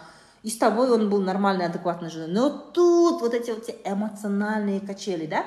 Давайте повторим еще раз. Бірінші табысты бір бірін мақтады то все екінші воспоминание ха ха хи хи күлді бір бірлеріне прикол айтты үшінші драма қуды анау аяды екеуі короче жақын болып кетті ғой это как практически как друзья мұңдас возможно сол, сол кезде ол әйел бұдан бір көмек сұрауы мүмкін. Жұмысқа байланысты бірдеңеге ананы сен білесің ба мынаны білмейсің ба айтып деген сияқты да чисто вот такой вот типа житейский бір проблема бойынша бір сондай совет сұрауы мүмкін сенің күйеуің сол жерде бір сәл көмектесші деген сияқты. Сөйтеді да басталады сондай әңгімеден. Сондай әңгімеден басталады да сөйтеді де подожди до секса не дошло еще қайда до секса далеко еще бұл секс оңай нәрсе емес қой сен есің дұрыс па до этого не дошло. Там очень идет сильная эмоциональная привязка. Маған жаңағы келіншек жазған кезде всю свою вот эту историю перепискаларды жазған кезде секса у них не было. Секса не было но они были при разводе потому что күйеуінің миы уже айналып қалған не не при разводе то есть конфликт конфликт әлі разводқа барған жоқ барған жоқ но она говорит он впервые заговорил со мной про развод деді впервые заговорил. Не то что про развод он сказал мен сені ә, оказывается муж муж ей сказал бүйтіп айтқан ғой мен көп ойландым. Жалпы екеуміз бір бірімізді сүйеміз ба сүймейміз ба? Жалпы біздің махаббатымыз қандай? Біздің ортамызда махаббат па махаббат емес па? Соған мен басым қатып кетті. Білмеймін егер ортамыз осындай болса ары қарай суып кететін сияқтымыз деп күйеуі бірінші сөйтіп айтқан ғой. Бірінші сөйтіп айтқан. Да они спокойно они вот без драмы без качелей нормально этот сөздері жарасып былай қарасаң бір біріне тең адамдар да білімі жағынан дамуы жағынан жарасып спокойная семья бірақ мына жақта ол эмоциональный качеляға түседі да жігіт ше ему кажется как будто вот это вот эмоциональное качеля жаңағыдай ше жаңағыдай ха ха хи хи вот это вот баяғыны еске алу вот это все эмоциональные качели ему кажется как будто это любовь мужику так кажется он думает что это любовь дурак дурак конечно мужик вообще әрине әйелін алдап переписка жасайды там повезло. Почему я думаю что секса не было? Потому что а, она в другом городе живет они общались по телефону часто. Кәдімгідей созвоны созвоны вот это вот. Андай көрсетті да скринда жібереді ғой маған жаңағы әйелі ше нұрдәулеттің әйелі маған скринда мә қырғын скрин жібереді ана пропущенный бір нәрсе звонок аудиозвонок ватсаппен аудиомен сөйлеседі сондай да короче перепискаларын баяғыны не істеген короче толып қалған ғой телефон бұл короче бұл бүйтеді каким-то образом кто его каким-то образом она достает его телефон ашады мен пароль ештеңесі болмаған ба білмеймін короче ашып алған ғой телефон соның бәрін суретке түсіріп жаңағы ерінбей маған андай үш күн жазды ғой сол хатты. Үш күн маған дайректке жазады жаңағы ше. Ол бүйткен ол бүйткен не істеймін деп. Э, конечно я посоветовала семейного психолога потому что это не моя компетенция. Яғни отбасыларды қосу отбасыларды ә, әйел мен күйеудің ортасында ә, тіл табыса алмағандықтан ажырасуға дейін бару. Жалпы осындай кризисный момент который доведение до развода ондай кризисный моментте коучтар қаржылық коучтар көмектеспейді. Мен қаржылық коучпын мен бизнес коучпын. Мен әрине қоғамдағы проблеманы қарым қатынастағы проблемаларды айтамын айту менің жұмысым тек қана айту. Бірақ шешу бойынша сендер специалисттерге бару керексіңдер семейный психологқа психотерапевттерге бару керексіңдер иә? Я посоветовала конечно же идти к психологу. Но вопрос то с чего начинался? Маған сұрақ қойып жатыр ғой. Сен осындай ситуацияларды қайдан білесің потому что я в день таких писем получаю дофига. Дофига. Как себя ведут? Андай жаңағыдай эмоциональный этаптар бірінен кейін бірі болған кезде вот эти все эмоциональные качели. Неге адамдар ә, осы эмоциональный качеляны махаббатпен шатастырып алады? Это вообще не любовь. Вы очень сильно ошибаетесь. Это вообще не любовь. Это просто жаңағыдай это вот это вот то біресе күлесің біресе страдаешь біресе күлесің живешь прошлым. Иә осындай қарым қатынастарда көпшілік они живут прошлым именно прошлым живут. Баяғыны айта береді баяғы кездерін есіне түсіре береді жалпы ә, сіздерге осы жерде отырған екі мың адам ә, сіздерге осындай жақсы бір кеңес болсын өмірлеріңізде осыны сақтап алыңыздар. Ә, баяғы шақты өткен шақты айта беретін адаммен өмір сүру өте қиын Я вам рекомендую этим не заниматься. Не живите прошлым. Все, что было, уже было. иә бұрынғыны қайтарып әкелгісі келетін көп өкінетін бұрынғы күндерді көп айтатын баяғыны мыжи беретін адамдар жақсы адамдар емес не надо баяғыны романтизировать ететін баяғы нәрсеге застревать ететін бұрынғыдағыдай болғанда ғой қайталайықшы мысалы ностальгия деген нәрсе бар да ол өз орнымен бір анда санда бір семьямен кездесіп қалған кезде бауырлармен кездескен кезде достарымен кездескен кезде ә, соны әңгіме қылып бір ә, не істегенге нормально да вот иә арасында әңгіме айтып қойғанға нормально. Но жить этим пытаться вернуть прошлое пытаться жить прошлым это ненормально. Это ненормально.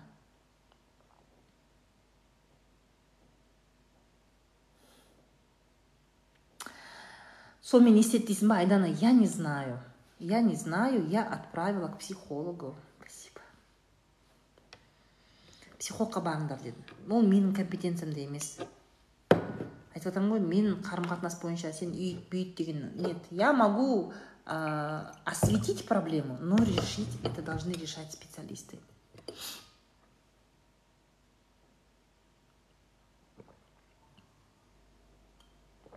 неге сторис аз инстаграмда ма демалып жатырмын өткен апта полностью демалдым анда санда бір шығып особо не істеген жоқпын өзі күзде надо немножко восстанавливаться. Вот это иммунитетті қысқы уақытқа дайындау вот санаторийда денсаулығымды реттедім спасибо спасибо за подарочки. Сегодня было очень много подарков спасибо большое. Спасибо за лайки ваши. Лайков тоже очень много.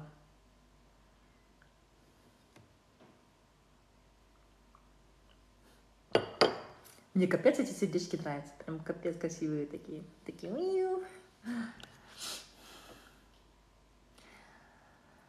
бауыр басу үшін бауыр басу мысалға бауыр басу жаман нәрсе емес бірақ сенің жаныңды ауыртатын сенің жаныңды ауыртатын адамға бауыр басу дұрыс емес. Рахмет. Шайыңыз суып қалмады ма? Жылы болып тұр. Это в принципе бұл спасибо спасибо. Бұл вау! Это что? Перестоға болмай ма киіп көруге спасибо. Это ромашковый чай бұны не обязательно ыстық қылып ішу поэтому былай ішесің бывает ли дружба между девушкой и парнем?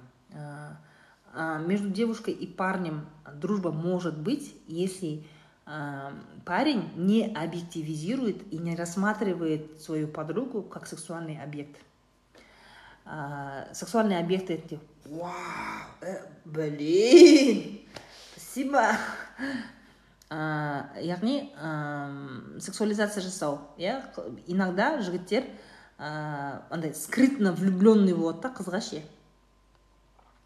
сөйтеді ол қыз қарамағандықтан типа дос болып жүрген сияқты болады. Спасибо большое спасибо спасибо.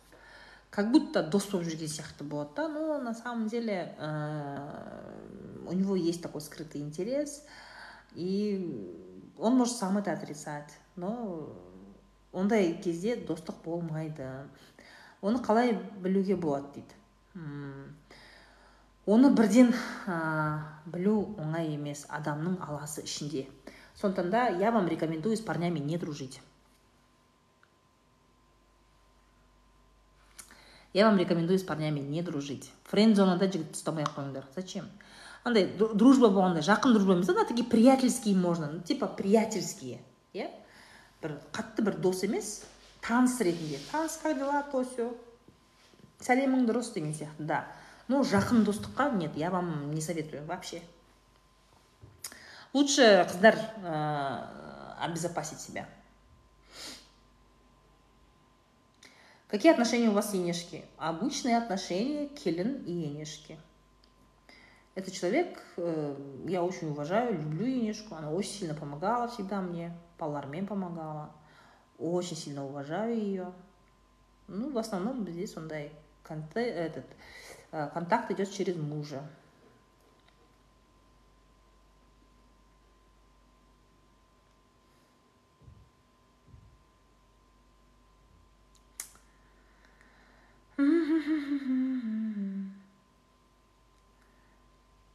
Ужас какой? Рахмет кока коланың видеосын өлтіріпсіз дейді это такой фильтр. Те кто не поняли можете от меня отписываться не смотреть блокировать меня. Жалпы мен былай ойлаймын мысалы маған айтады да сіз палестина туралы ештеңе айтпадыңыз дейді да мен айттым басында соғыс басталған кезде айттым. Жалпы соғысқа қарсы екенімді айттым. Адам өлтіру соғысқа қарсымын. И әрине қазақстан республикасының азаматы ретінде біздің елде ондай соғыстың болмағанына мен қуанамын менің позициям осындай. Жалпы соғысқа қарсымын. Адам өліміне бала өліміне әйел өліміне мен қарсымын. Менің позициям осындай. Ал егерде ә, біз жаңағыдай определенный бір брендтерге ә, бойкот деген мәселеде это это пустое занятие. Онымен ешқандай проблема шешілмейді. Еріккеннің тірлігі. Бүкіл кока кола бізде қазақстанда шығады. Ол қазақстандық ә, заводтарда қазақтар жұмыс істейді қазақстан азаматтары жұмыс істейді. Ол зауыттар қазақстанның нарығына экономикасына салық төлейді. Яғни ә, былай қарап отырсаң егер тараз басын салатын болсаң тараз басын салатын болсаң нет. Для меня главнее это моя страна. Та страна в которой я живу. Мен тұратын мемлекеттің адамдарының саулығы адамдарының ақшалы болуы олардың салық арқасында пособие алуы ә, пенсия алуы мемлекеттен поддержка көруі маған важнее мен позициям осындай. Ал ол үшін заводтар жұмыс істеп салық төленсін десе онда так. Платится налоги. Экономикаға қатысады және платится налоги. Для меня это важнее. Так что ол еріккеннің тірлігін мен жасамаймын оның дымда қатысы жоқ вообще не доказано что именно франшизальные оплаты компании кока колы идут на войну. Ол туралы ондай нәрсе жоқ сондықтан да это знаешь как бороться э, как бороться с ветром. Сен мысалы жел соғып тұрса сен желге қарсы жүрмейсің ғой желге қарсы болмайсың ғой иә? Немесе теңіздің толқынына сен қарсы болмайсың ғой тура сол сияқты. Это невозможно. Экономические отношения. Біз қанша дегенмен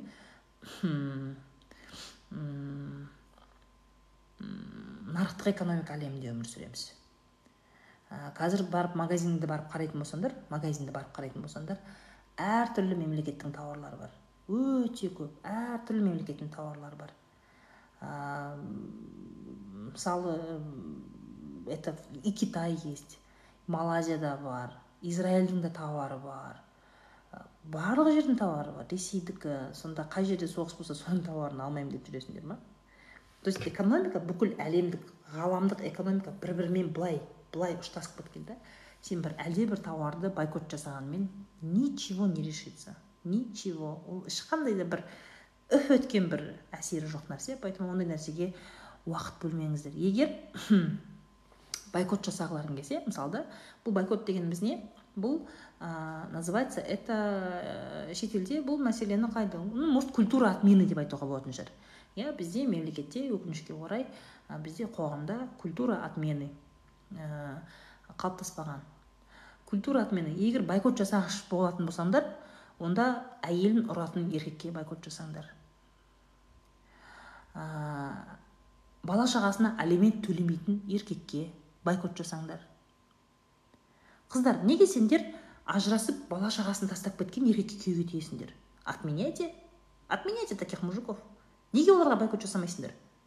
Маған осы жерде келіп сұрақ қойып отырасыңдар. Ажырасқан жігітке күйеуге күйеуге бола ма? Ол ажырасқан жігіт бір қыздың өмірін құртты. Бір қызға нормальный күйеу болмады. Бір қызды бақытты қылған жоқ. И скорее всего баламен тастап кетті. Отменяйте неге сондай жігіттерге бойкот жасамайсыңдар? Алимент төлемейтін еркектерге неге бойкот жасамайсыңдар? Сөйтіп алимент төлемей бала шағасынан қашып безіп жүрген еркекке күйеуге тиесіңдер да еще алимент төлеп жатқызса онымен еще оның бывший әйелімен соттасасыңдар ғой әйелдер қойсаңдаршы сондайды бойкот істегіш болсаңдар істеңдер сондай бойкотты неге сөйтпейсіңдер еркектер осы жерде жігіттер отырған. Әйелін ұратын еркекке бойкот істемейсіңдер ма кішкене содан кішкене пайда бар да сөйтіп кішкене бір қоғамда ей ұялмайсың ба? деп бір бірлеріне сондай дұрыс емес әрекет жасаған әйелді жылатқан әйелді ұрған ажырасып тастап кеткен сондай еркектерге бойкот жасасаңдар кішкене болсын пайда болады қоғамда. А так сен коланы ішсең де ішпесең де дым пайдасы жоқ одан. Понимаешь?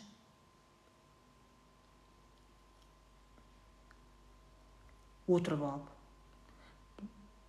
там между прочим где я вот видео выставила мен өзім бір анда санда бір айына бір рет бір бір рет екі рет кола ішемін сөйтіп отқам санаторийда ә, санаторийда неде мини барда тұрады ғой напитоктар тұрады. Иә кола тұр. Бір кола ішейінші деп. Открываю. Енді ішейін деп тик токқа шығып жатсам жаңағы видео шығады ғой енді ішіп жатқан ғой жаңағыдай ыыы жаңағы ана жігіттің ііі қанша он кола сатып алып төккені туралы видео и оған жаққан жаңағы прикол туралы соны шығарып ал күлкім келсін жаңағыдан я взяла дуэтом сняла на это видео ролик. Сексен процент ішінде адамдар адекватный сексен процент. Адамдар адекватный қалған 20 проценті егер менімен ой сәйкес келмесе онда не надо на меня подписываться сидеть на моей странице. Мен үшін ә, менің ә, мемлекетімдегі тыныштық менің мемлекетімдегі салықтың төленуі халықтың әл ауқаты маңыздырақ. Ә, егер былай қарайтын болсақ қазақстан ә, израильмен баяғыдан экономикалық қатысы бар. Қазақстан баяғыдан израильге мұнай сатады. Мы давно продаем нефть Израилю. И что ты думаешь, эта нефть не идет на войну? содан жасаған бензин соғысқа қолданбайды деп ойлайсың ба? Мы всегда в этом участвовали. Хочешь не хочешь сен шығарған өнім определенный бір соғыста қатысады. Мұнай болсын оружие болсын техника болсын телефон болсын. Хочешь не хочешь ол қатысады. Продукты болсын. Может қазақстанда шығатын тушенкалар тушенкалар ну а что ты думаешь на этот ресейдің нарығына бармайды ғой дейсің ба? Барады. Ресейдің солдаттары соны жеп украинадағы адамдарды өлтірмейді ғой дейсің ба? Өлтіреді. А что ты бойкот не делаешь? А что ты бойкот не делаешь? Бізде по моему где ақтөбеде ма? Бар ғой этот не консервный заводы наши на западе. Сол консервілердің бәрі. Соғыс болатын мемлекеттерге экспортқа бармайды ғой дейсің ба? Барады. Біз израильге жарты этот 500 миллион долларға мұнай сатамыз жылына израильге. 500 миллион долларға. Ол 500 миллион доллар республиканский бюджетке түседі. Ол республиканский бюджеттің ақшасын сендер айлық аласыңдар мұғалімдер врачтар пенсия пособие декретный аласыңдар. Бойкот жасаңдар ал.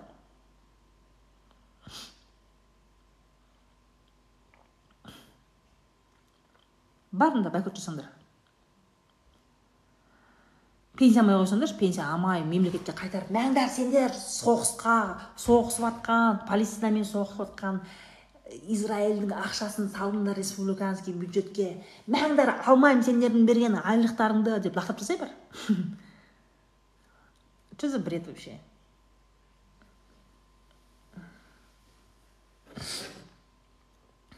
Эфир сақтала ма дейді тик токтағы эфирлер сақталмайды өйткені. Тик токта жалпы эфирдің парақшада қалуы ну как бы такой функции нету. Бірақ бұл эфир менде неде сақталады? Осы тик токтың бэкграунда сақталады ә, личный кабинетте.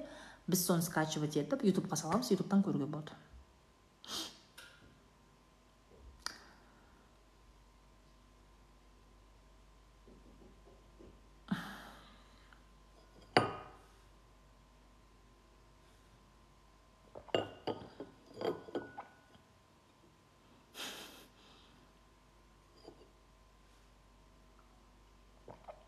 Күйеуің бұрынғы ғашығымен сөйлесіп жүрсе доказательство бар ма?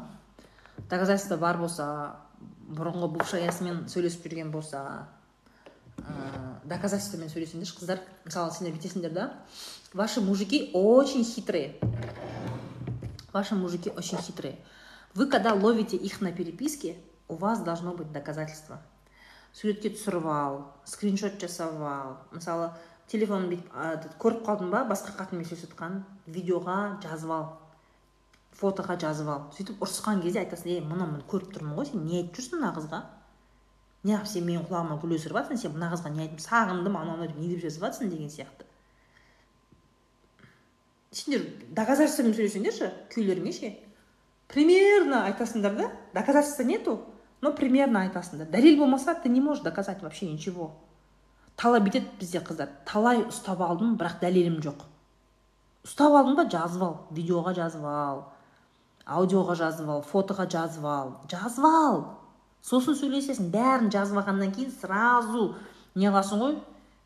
Телеграмға неге жіберіп ал? Туысқандарыңа жіберіп қой подружкаңа жіберіп қой. Чтобы у нее сохранилось даже если ол сенің телефоныңды алып қойса да чтобы у подружки сохранилось. Отправь подружке и скажи епта міне менде бар доказательства. Что ты мне изменяешь? Какого хрена ты мне изменяешь? Мы зачем с тобой поженились? Саған семья керек па керек емес па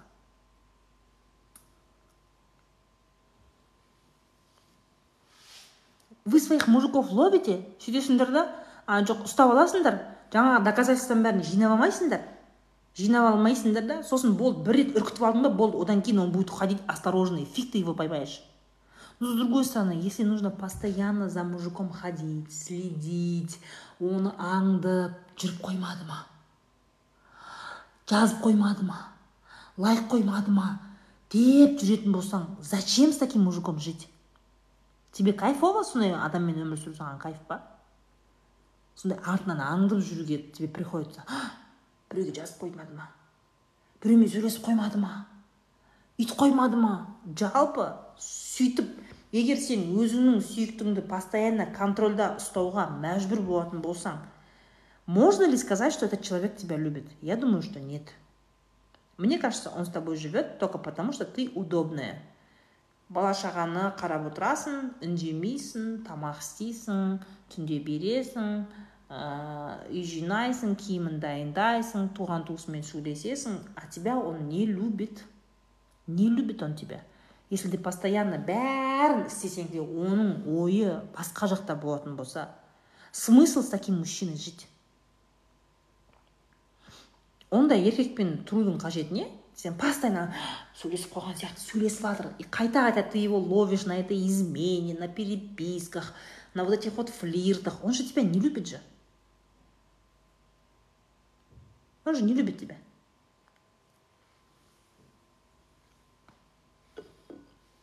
Ол сүйсе сен тек қана саған қарап отырады ғой.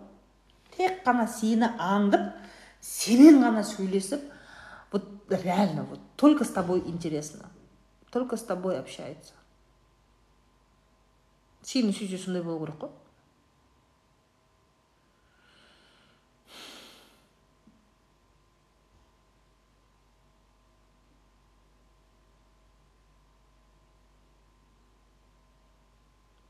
Оның несі оның несі отбасылық өмір оның несі махаббат? Егер сен постоянно күйеуіңді контрольда ұстайтын болсаң спасибо.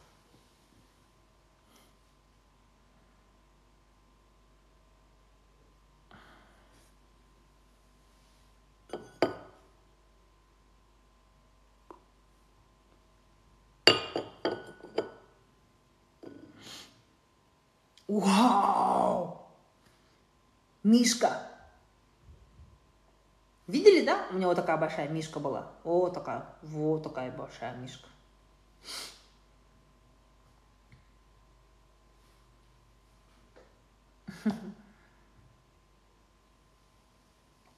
жігітім қыдыруға жібермейді да пошли его нахрен пошел нахрен иди нахрен ты че мен саған не қоймын ба мен бағып отыратын пошел нахрен өзім білемін жүремін бе жүрмеймін бе иди вон мозги не парь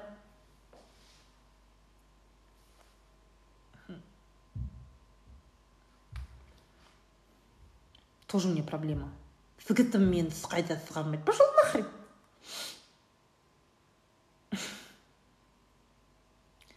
Как справиться с паническими атаками? Это нужно обращаться к психотерапевту. Вот динозаврик. почему динозаврик мынандай кішкентай болады мынау мынандай үлкен болмай ма мындай үлкен болмай ма ну ладно. Я думала жаңағы мишка сияқты болатын шығар десем как смотрите на отношения по а, на расстоянии я в них не верю. Рахмет. А, я не верю на, в отношения на расстоянии. Это такой знаешь взаимный обман друг друга туфельки бүгін бір а, бүгін а, жаңа жылға киім қарап жүрмін да. Что такое вечернее смотрю. Э, вечерний киімдер. Ну естественно сен вечерний көйлектер кигеннен кейін каблукпен туфли кие бересің құдай не бір туфлилар мынандай. Вот эти вот матч матч манола бланик жимичу сондай неше түрлі мындай мындай каблуктар бар киіп көрдім ма құрсын қыздар қалай жүрді мен кие алмадым сонымен құрсын көйлек те алған жоқпын туфли де алған жоқпын смысла нету. Потому что вечерний көйлек киесің оның астынан әдемі каблук кию керек. Ал мен кие алмаймын каблук я не могу на них ходить у меня ноги болят. И этот туфли кие алмаған соң енді вечерний көйлек алған жоқпын құрсын салмай ақ қойшы құрсын спасибо. Зато виртуальных туфелек у меня дофига. Спасибо большое. шетелдік адамға күйеуге шығуға қалай қарайсыз я считаю что если любовь есть то надо выходить идти за любовью. Махаббат махаббат стоит того. Мы живем только один раз в этой жизни. У нас другой жизни нету. Спасибо сондықтан да махаббат үшін көруге болады деп ойлаймын. Тревогадан құтылу үшін психотерапевтке барамыз тоже.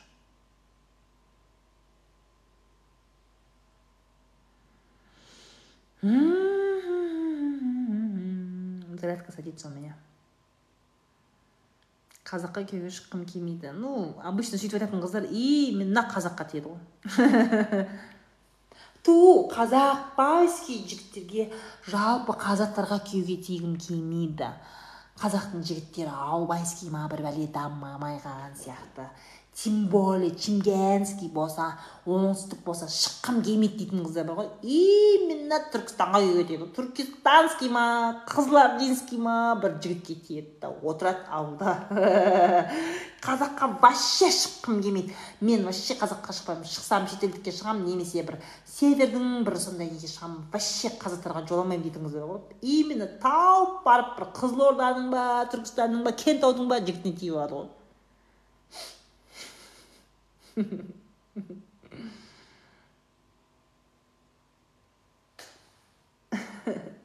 Ух ты, у меня такая шапка есть. Спасибо большое. Так что, блин, этот... не қылу керек та сондай ойланып сөйлеу керек та кішкене зарядкаға қоятын зарядканың шнуры қысқа а зарядка далеко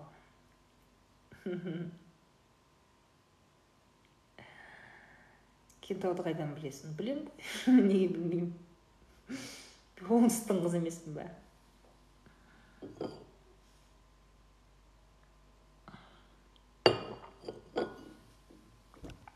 Вау, это что? Это что? Это кто? Это это. Что за подарок такой? мен бүгін неше түрлі көрмеген подароктерді көріп жатырмын ғой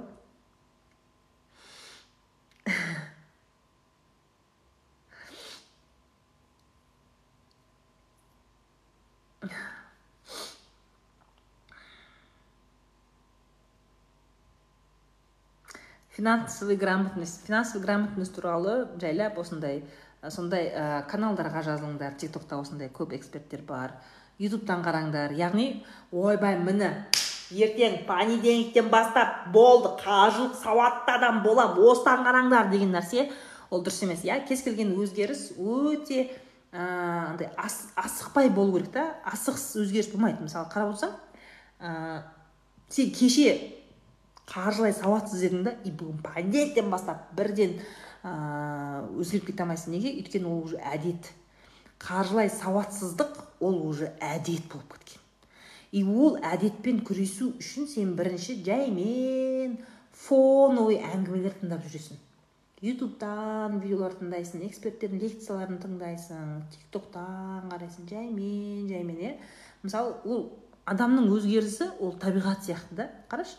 Егер сен мысалы бүгін ғана жаз 30 градус ыстық и ертең 30 градус суық болса қалай болатын еді? Бүкіл тіршілік өліп қалатын еді. Бүкіл бүкіл жаңағы ә, ағаштар ә, өсімдіктер жануарлар жәндіктер бәрі өліп қалатын еді иә. Бізде табиғатта кез келген өзгеріс жаймен болады. Жаз болады одан кейін күз болады салқындап одан кейін қыс болады одан кейін көктем одан кейін жаз иә? Яғни екі түрлі температурный неге дейін арасында иә арасында жоқ дегенде алты ай бар. Кез келген өзгеріс ол әсте әсте болады. Бірден ештеңе өзгермейді. Сен кеше ғана қаржылай сауатсыз болдың ба? Бүгін қаржылай сауатты болу үшін қаржылай сауатты болу үшін дорогие мои начинайте хотя бы какие то уроки слушать. Ютубта өте көп. Жайлап тыңдап жүресің тиктокта тыңдап жүресің. Яғни өзіңнің күнделікті бәрібір отырасың сол ютуб пен тиктокта ше инстаграмда. Жайлап өзіңе сондай сауатыңа қоса бересің. Сондай біліміңді жайлап қоса бересің. Контентіңе күнделікті қарайтын контентіңе сондай бір екі ақпарат қосасың. Сонымен жайлап жайлап сосын бір күні кітапты сол эксперттердің өзі қаржылық сауаттылық туралы көп постоянно сондай ақпарат айтатындардың өзі определенный бір кітаптар рекомендовать етеді. Курстар рекомендовать етеді менде конкретно қаржылық сауаттылық яғни распределение личного бюджета семейного бюджета деген конкретный ондай курс жоқ иә менде больше это отношение с деньгами отношение с деньгами это работа с мышлением техника эффективного мышления не больше я человек больше по мышлению ал әдеттерді қаржылай әдеттерді өзгерту үшін сен конкретно қаржылық сауаттылықты үйрететін курстарды аудиоларды подкасттарды тыңдау керексің.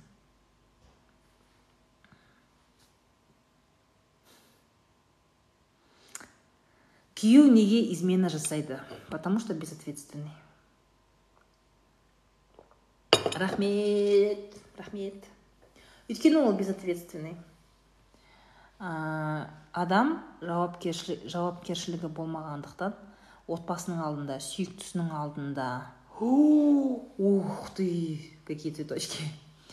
Адам өзінің отбасының алдында сүйіктісінің алдында некесінің алдында жауапкершілігі болмаған кезде ол ә,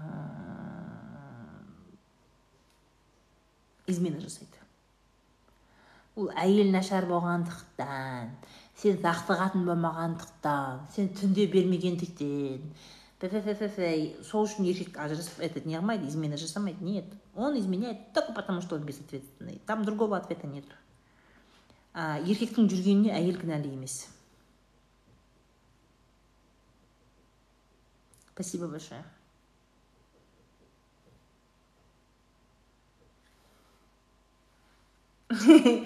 Сегодня так много подарков. Спасибо большое.